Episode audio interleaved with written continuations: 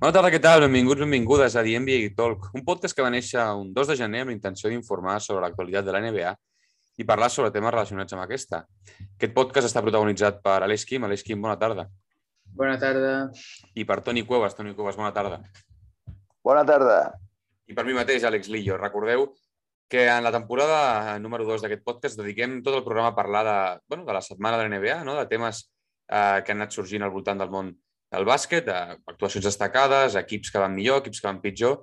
I en primer lloc doncs, volia començar amb una actuació destacada d'un jugador que, que ens és molt proper, com és Ricky Rubio. Quin, quin show que va fer al Madison Square Garden, 37 punts, 10 assistències, sortint des de la banqueta, career high per ell, i jo he vist, vaig veure el, el, la, bueno, les jugades de Ricky Rubio tirant triples amb molta confiança, triples amb, des del bot, triples amb catch and shoot.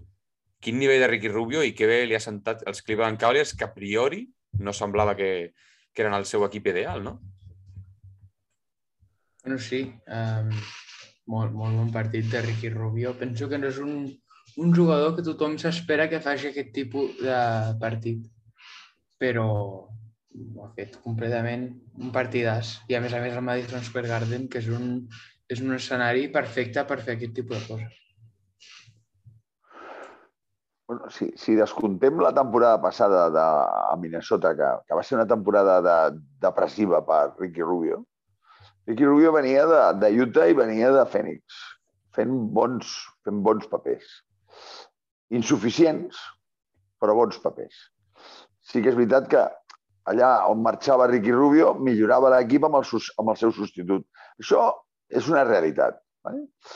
Després va vindre la temporada de càstig a Minnesota, on hi havia un Ricky Rubio depressiu. Passada aquesta temporada i començant l'actual, amb el Ricky Rubio li queda aquest any de contracte, un sobrecontracte que té, i eh, arriba a un equip, Cleveland, pues que des del principi ja es va veure que era un equip que li feia més gràcia. Això unit en què si vol arrencar a l'últim contracte bo a la NBA, ha de fer una bona temporada, ens, ens dona com a resultat que Ricky Rubio s'ha de posar les piles. I aquest posar-se les piles va tenir com a moment àlgid de moment aquesta temporada el partit al Madison. No? Uh, jo no sóc un gran fan de Ricky Rubio, tot i que és un jugador català, un jugador de casa, bla, bla, bla, més enllà del bla, bla, bla, però s'ha de reconèixer que és el millor Ricky Rubio des de que està a la NBA. La pregunta és, li, a, a què li, per què servirà això a Cleveland? Perquè al final els teus números han de servir. I en aquest cas, a la NBA han de servir perquè arribis al playoff. Cleveland vol arribar al playoff, però les coses, com ja sabeu, a la NBA estan cares. Estan, estan totalment. També volia comentar, bueno, no, no sóc molt fan, sé que tampoc sou vosaltres molt fan de comentar-ho, però Rudy Gobert, quina setmaneta ha tingut? S'ha encarat amb, amb Miles Turner fa, bueno, un partit que van jugar contra Indiana i s'ha encarat també aquesta nit contra Dwayne Dedmon. No és la primera que fa, ja és un jugador que, no sé si recordeu, partits també FIBA contra, bueno, contra Gasol, contra diversos jugadors que sempre li agrada pues, encarar-se, picar-se.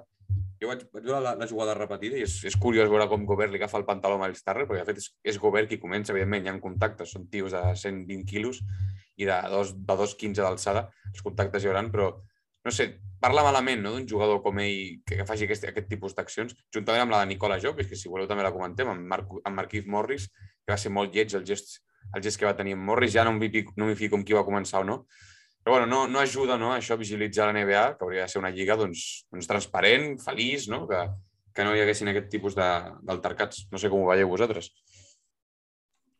Bueno, jo personalment parlaré de l'acció de Jokic. Um, jo penso que si no, si ja, ja has dit això de que no saps qui ho va començar, però si Marquis Morris no li fa aquella falta, Jokic no li donarà l'emputjada que li va donar. I jugadors com Jokic, jo penso que jugadors com el Marquis Morris, que són com bullies, no? Sí. Uh, es pensen que, que se li pot fer això perquè és una estrella, no farà res fora del normal. Uh, però clar, penso que els jugadors també s'han de defendre ells mateixos. Bueno, uh... N'hi ha un putjada un altre jugador, però sí.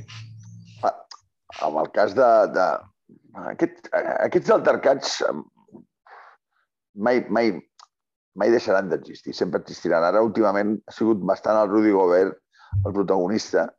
Uh, jo tampoc sóc massa fan de Rudy Gobert. A més a més, segurament molts jugadors de NBA li tenen, li tenen una mica de tirria amb el Rudy Gobert perquè té un contracte que és un dels millors, un dels millors de la competició, sí, sí. quan bueno, és evident que el rendiment de Rudy Gobert donaria perquè cobrés entre 15 i 20 milions de dòlars l'any. Això tirant coets. Um, bé, um, és anecdòtic. Jo crec que ha, ha coincidit que sobre ell doncs, han, han, han, han recaigut una sèrie de, de mals moments. Sí que és veritat que sempre es veu com que sembla una mica doncs, el capitán Aranya, no? que tira la pedra i amaga la mà. Uh, I això a l'NBA està mal vist. Està mal vist el flopping, està mal vist les males arts. A la NBA mm, agrada que l'esportista vagi de cara. I aquestes accions, el Rudy Gobert, amb aquestes accions, el Rudy Gobert se'l veu una mica com atacant per l'esquena, no? Una mica.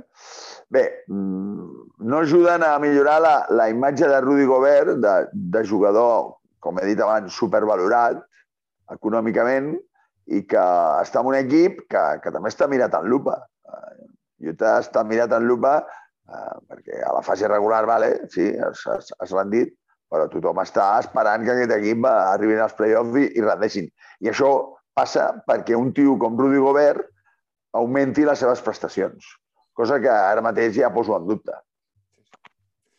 I un equip, un equip que també de play-off ja els podem descartar totalment. I de molons, doncs jo posaria interrogant és New Orleans. Balanç d'una victòria en nou derrotes en els últims 10 partits. És cert que no ha estat Brandon Ingram i els problemes que ja hem comentat de Zion Williamson amb el tema del, del sobrepès no? i de les lesions de turmell i les derivades coses que han anat tenint durant la temporada, però quin, quin mal paper, quin mal rendiment un equip que sempre ha lluitat bueno, per estar ja, no? entrar a playoff, no entrar a playoff. Brandon Ingram no ha estat, els, els jugadors, la resta de jugadors, a excepció de Valanciunas, diria jo, la resta de jugadors doncs no han sigut suficients per, per, bueno, per tirar l'equip endavant. I veurem com, com gira aquest projecte, no? perquè se suposa que se sustentaven sobre Brandon Ingram i Zion Williamson, i si Williamson no està, Ingram està però tampoc està al nivell, algú ha de passar a l'oficina, no? han d'haver-hi canvis, no sé de quina manera, però males notícies a New Orleans. Sí, eh, és espantós el que està passant amb ells, perquè teòricament han de ser un equip que amb Zion han d'arribar molt enllà. Ja sé que no està als playoffs, però també haurien de fer una plantilla uh, al, al redor d'ells, d'ell, perdó, um, que sigui forta. I, I veient el que estem veient de New Orleans ara mateix, uh, igualment que tinguin Zion, no, tem, no tindrà quasi gens d'ajuda Zion. Uh, I clar, això que has dit, poden passar a no ser morons per les lesions de Zion, el Brandon Ingram sol no podrà fer massa pues sí, és una mica preocupant. Sí, però quan valorem a un equip, jo valoro molt la, la, les intencions, no? I les intencions de la franquícia de New Orleans són molt bones. Devonte Graham, Valanciunas, Brandon Ingram, uh, Zion Williamson, Josh Hash. A veure, hi ha un, un equip, o sigui, la, la, la, la directiva, els directius, el, el director tècnic dels Pelicans ha muntat un equip amb molt de sentit. Així com hi ha vegades que critiquem, que no entenem què fan segons quins equips, aquí s'està veient una construcció amb molt bona pinta. Després poden passar moltes coses pel camí, com estem veient que està passant sobretot amb el teu jugador més important, que és el Zion. No? A més a més, està corrent un rumor de que Zion Williamson vol marxar de Pelicans.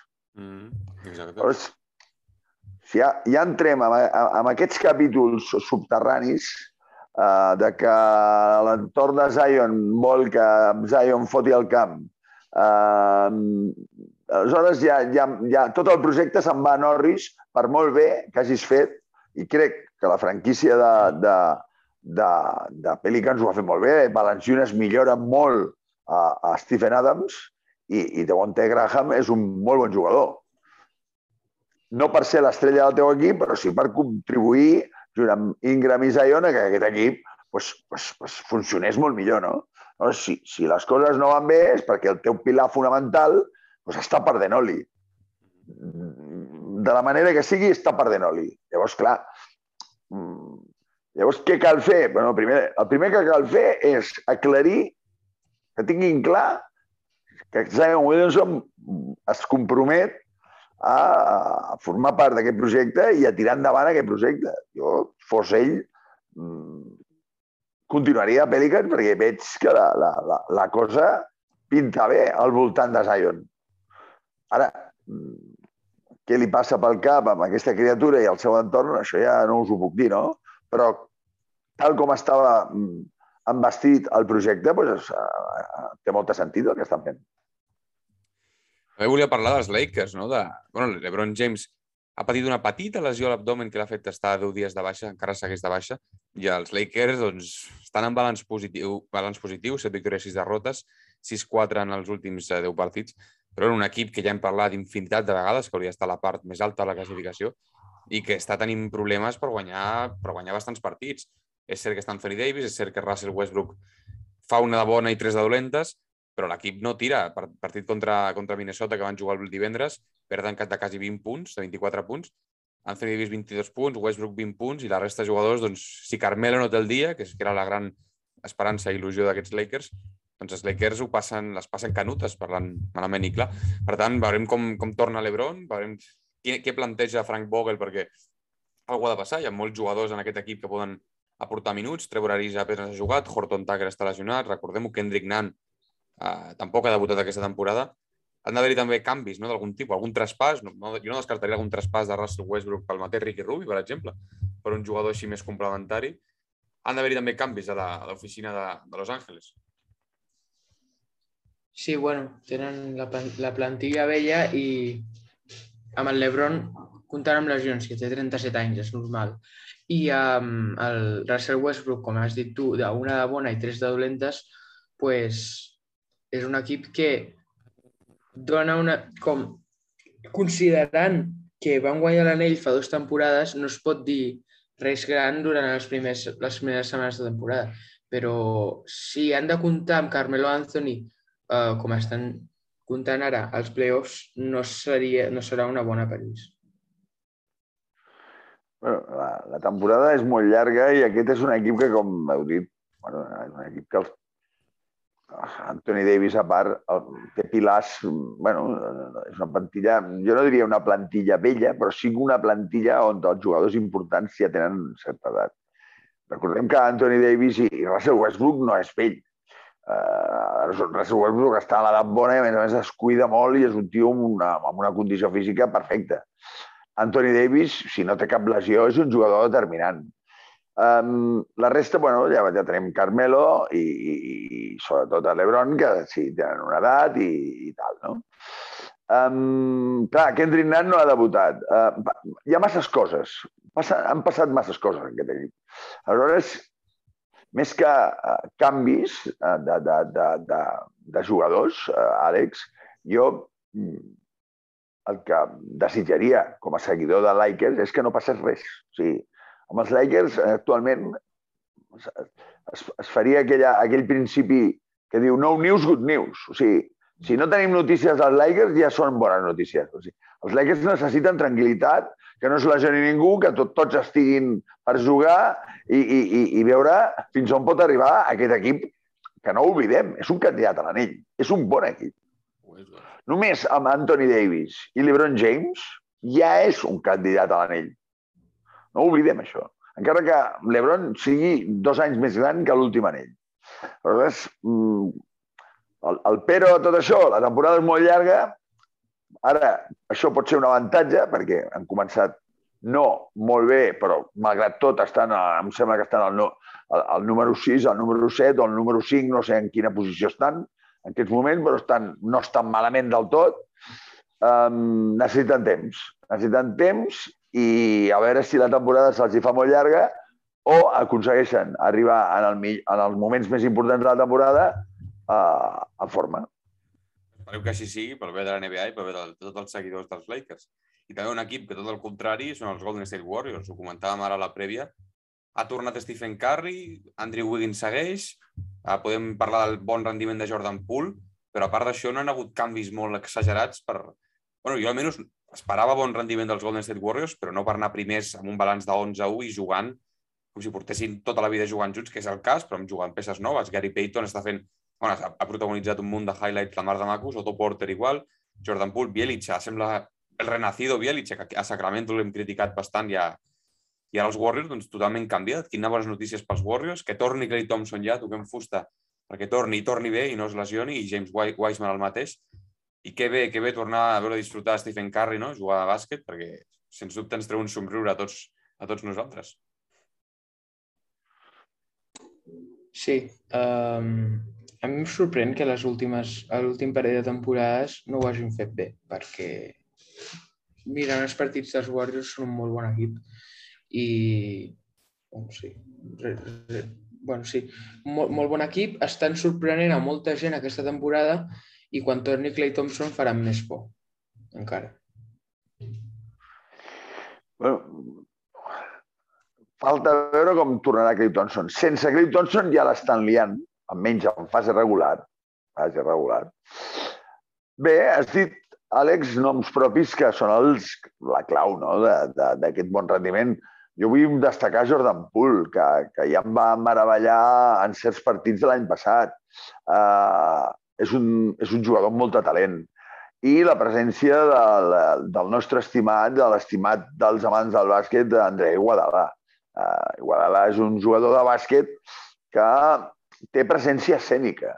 És un jugador que, que molt respectat a la Lliga, és un gran conductor de llum, fa, bon, fa bons als altres, dona molt bon rotllo, és el típic jugador que mai li veus fer un gest eh, negatiu ni per l'àrbit, ni per un adversari, ni per un company. És, és el, el jugador que tot entrenador i company d'equip vol. Uh, aleshores, Clar, anem sumant noms propis. El, el, el, el Gary Payton eh, eh, és, és, una, és una força de la natura. Uh, com tu dius, ha protagonitzat el grup Highlight. Això dona molt bon...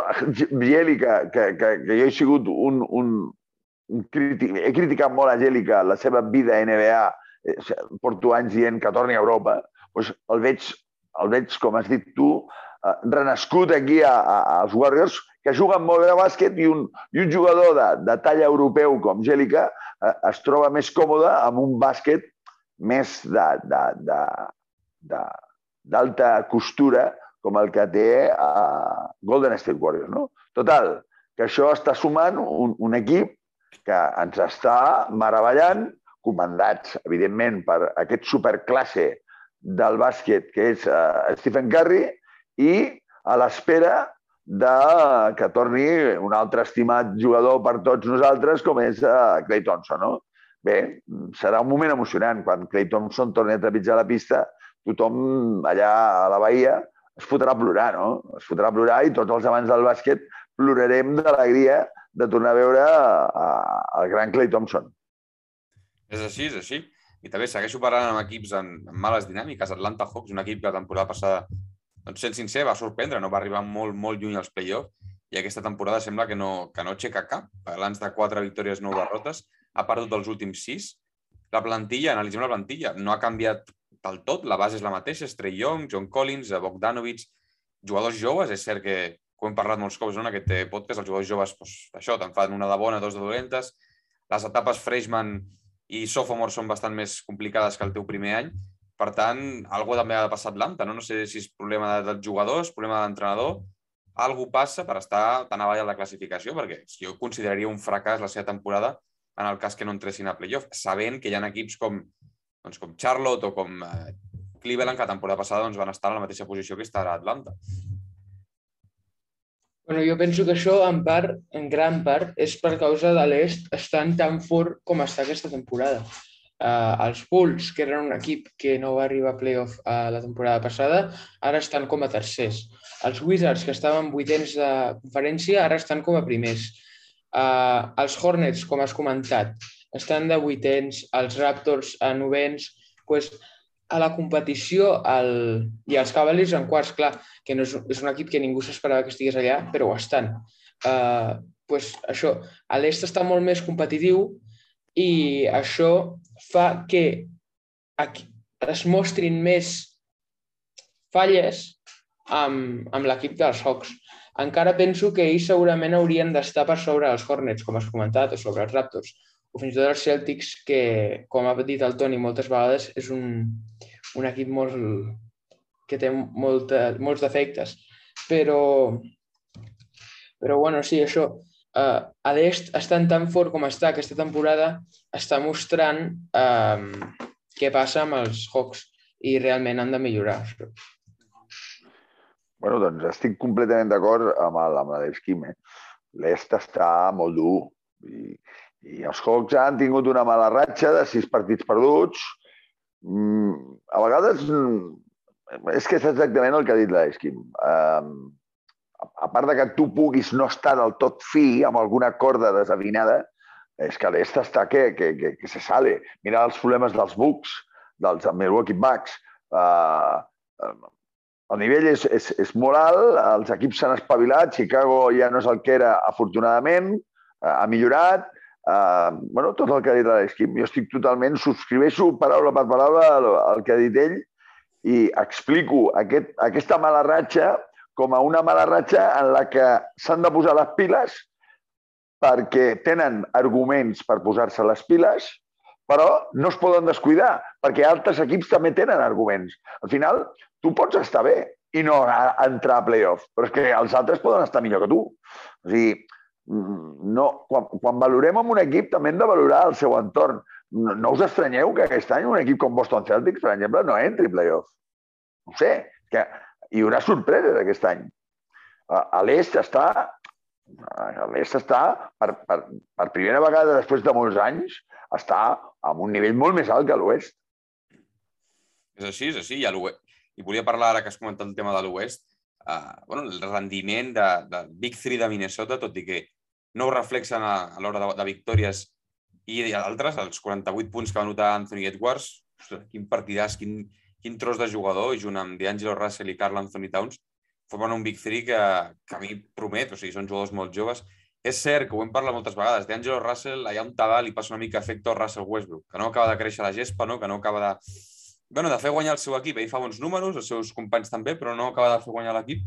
Però, sens dubte, si analitzem nom per nom, la plantilla té molt bona pinta i el rendiment d'Anthony Edwards i el futur d'aquest jugador és, bueno, és sorprenent. Jo el compararia, no sé, amb un, Lebron, un mini Lebron, un físic espectacular, un jugador que tira superbé a tres, que salta, no vull saber el que salta, increïble, imparable, imparable, Anthony Edwards ja que estem parlant de comparacions, jo penso que una bona comparació per Anthony Edwards seria com Tracy McGrady. Un jugador super explosiu, un jugador que nota molt, com vam veure l'altra nit, que va fotre 40 i pico punts. Um, I bueno, sí, és, uh, la plantilla de, de Minnesota pot ser molt forta, perquè també tenen el Malik Beasley, que no has comentat, um, també un, un molt bon anotador, però jo el problema que penso en aquest equip és la defensa. Uh, perquè, clar, Malik Beasley no és un molt bon defensor. D'Angelo Russell, tampoc. Carl Anthony Towns, tampoc.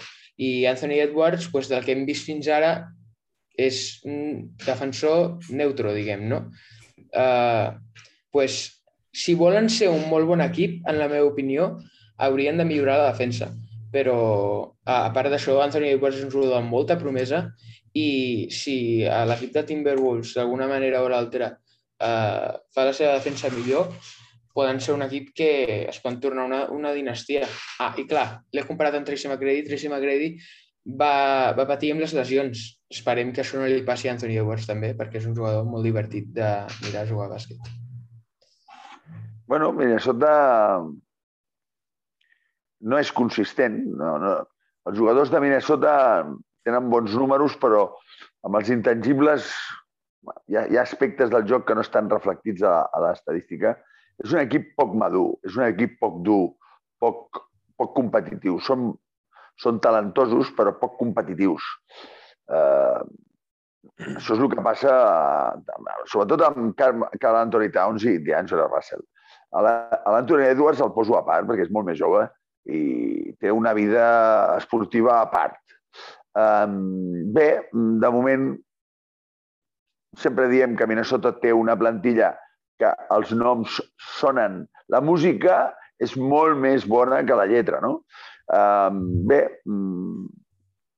veurem amb el pas del temps si van millorant les seves prestacions competitives eh, i tot i, i recordant que a la NBA aquí ningú regala res i, i, i ho has de fer molt bé per, per, per estar, per estar en la onda, per estar entre els vuit primers i, i entrar a playoff.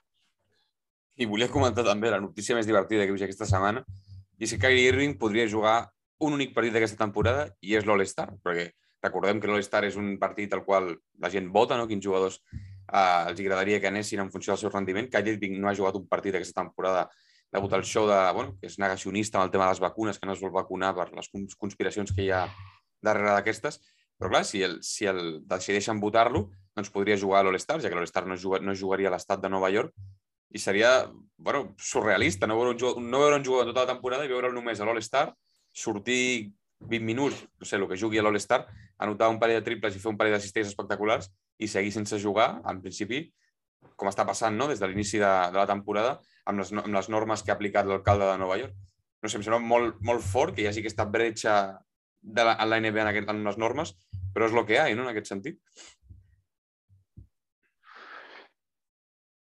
De, de que l'Irving es pot esperar tot. Igual a l'All-Star fot 40 punts i és l'MVP.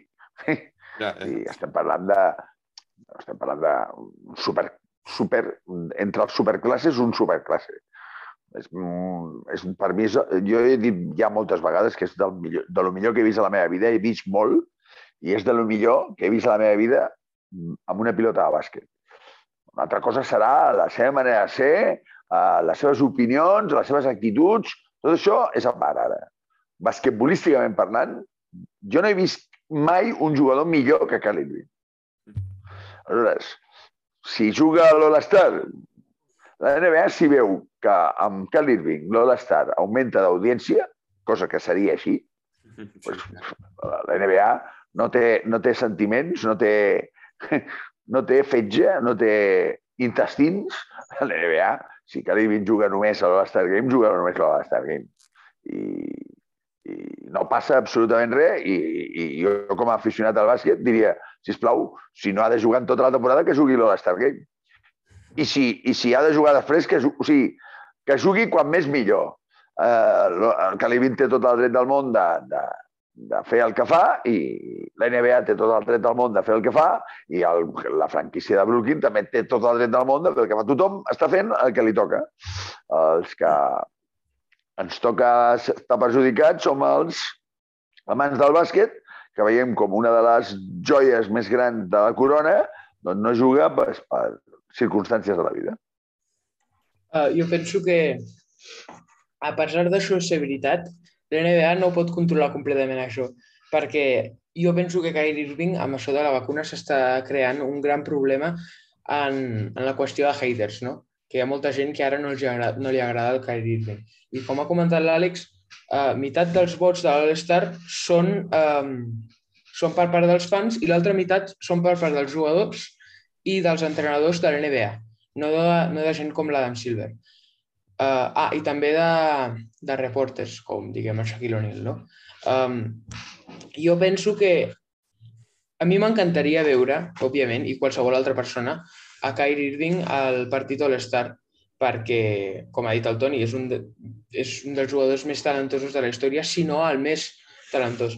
Però és possible que no puguem veure per causa del, de, de com la gent està veient el, el Kyrie Irving a, a través d'aquest tema de la vacuna que ell no se la vol posar, no? El Kyrie Irving està pagant les seves decisions, està perdent un... Sí que cobra molt, però està perdent molts diners. O sigui, Calibin té tot el dret del món de fer, eh, de fer el que fa. Ens agradi o no, té tot el dret del món. I la, i, i, i, i la NBA té tot el dret del món de dir-li el, el que li diu i, i Brooklyn igual. Vull dir, aquí tothom està al seu lloc. bueno, la gent que opini el que vulgui i que el votin si creuen que l'han de votar i, i ja està. Jo, jo personalment és evident que m'agradaria veure'l jugar ara mateix, no? Però... I jo. Sí, sí. I per últim, temps dirà. L'última notícia que voleu comentar el dia d'avui també és divertida. si més no, i és que bueno, han sortit rumors a, al voltant de, de Ben Simmons, que portem parlant d'ell i dels seus problemes, podríem dir, psicològics d'equip, de problemes vàlids de, de Ben Simmons, que el podia involucrar en un traspàs amb Boston Celtics, un traspàs que seria Ben Simmons per Jalen Brown. A mi sembla una animalada, ho diré ja tal qual, o sigui, intercanviar Jalen Brown per Ben Simmons, o sigui, en clau, en clau Filadèlfia, doncs genial, no? Poder-te desprendre d'aquest jugador i rebre Jalen Brown, però en clau Boston, doncs canviar un jugador amb un futur increïble, 25 punts per partit, tirador de 3, esmaixades, bon jugador d'equip, complementa bé Jason Tatum, canviar-lo per un jugador que psicològicament doncs, no està, no tira bé de 3, doncs una animalada que espero i desitjo que, que Brad Stevens no accepti i, i bueno, em sembla, havia de comentar perquè em semblava una notícia molt, molt, molt forta. Però és que el de Boston Celtics és, és, és, és per tirar coets. Si, si el problema que... Si Boston Celtics focalitza els problemes que té amb Jalen Brown és que o no, o no, entenen, no, no, no entenen res de res. O sigui, o sigui, els problemes de Boston Celtics són més enllà de Tatum i Jalen Brown. O sigui, a partir d'aquests dos jugadors, a partir d'aquí comencen tots els problemes. O sigui, si, si el, que, el que sona és que has de tocar a Jalen Brown, és que no entens què t'està passant. Sí, sí. En clau Filadèlfia, estic d'acord amb tu, en clau Filadèlfia seria un fitxatge de, de, de... fantàstic, però fantàstic. Imagina't el Jalen Brown amb el Tobias Harris, el, el, el, Seth Curry i el Joel Embiid. Au, nen, ens, anem tots cap a Filadèlfia, agafem l'avió i marxem demà. Sí. I, a veure, però en clau Boston, és que o no entenen res, perquè, perquè Ben Simmons, algú dirà, bueno, és que ve Ben Simmons, però algú pot explicar quina funció té Ben Simmons com a jugador de bàsquet avui en dia? Què pots esperar de Ben Simmons? Que defensi bé, també pot defensar bé el Jalen Brown. No sé què opines tu, Alex Kim, però jo trobo en clau Boston una barbaritat. Dubto molt que facin aquest canvi. Si el fessin, em semblaria un dels pitjors canvis de la història. Perquè Jalen Brown no només és un jugador millor, és un jugador molt millor que Ben Simmons. Uh, i, i, bueno, jo, a més a més, amb el Cristo que està fotent Ben Simmons a Filadèlfia, jo no crec que hi ha manera de que un equip doni un jugador, un all-star com Jalen Brown, eh, a canvi d'un jugador que no saben què farà si, si d'aquí un parell d'anys Ben Simmons està a Celtics, no aconsegueixen guanyar, eh, no aconsegueixen entrar a playoff i fa el mateix que acaba de fer Filadèlfia, no? Eh, pues, espero que els Celtics no facin aquest canvi. Seria un, un desastre si el fessin. A, a més a més, Boston no és una plaça fàcil de, de triomfar. I, i Jalen Brown ja, ja, ja ens ha demostrat que pot triomfar a Boston. Ben Simmons, qui et diu que, que, que a, a més a més, a més a més baixi el seu baix rendiment a Boston. Perquè Boston, Boston no és una plaça fàcil. És un lloc on els espectadors... El, el, el, quan jugues a Boston, el, el, el, les orelles se't mouen més que quan jugues en un altre camp. La gent de Boston fa un murmuri eh, eh, que sumba més la, la, les oïdes que, que en qualsevol altre lloc. Eh? Boston no és, no és qualsevol lloc, Boston. Pues sí, sí, és així. Veurem les properes setmanes com acaba aquest, aquest culebron i la resta que hem anat comentant durant, durant el podcast d'avui. Moltes gràcies per acompanyar-me, Toni i Aleix Quim. Vosaltres. Gràcies a tu, Àlex. I a, la, bueno, i a la gent que ens escolta també, moltes gràcies per, per escoltar-nos. Ens veiem la propera setmana. Una abraçada i gràcies per escoltar-nos. Adeu.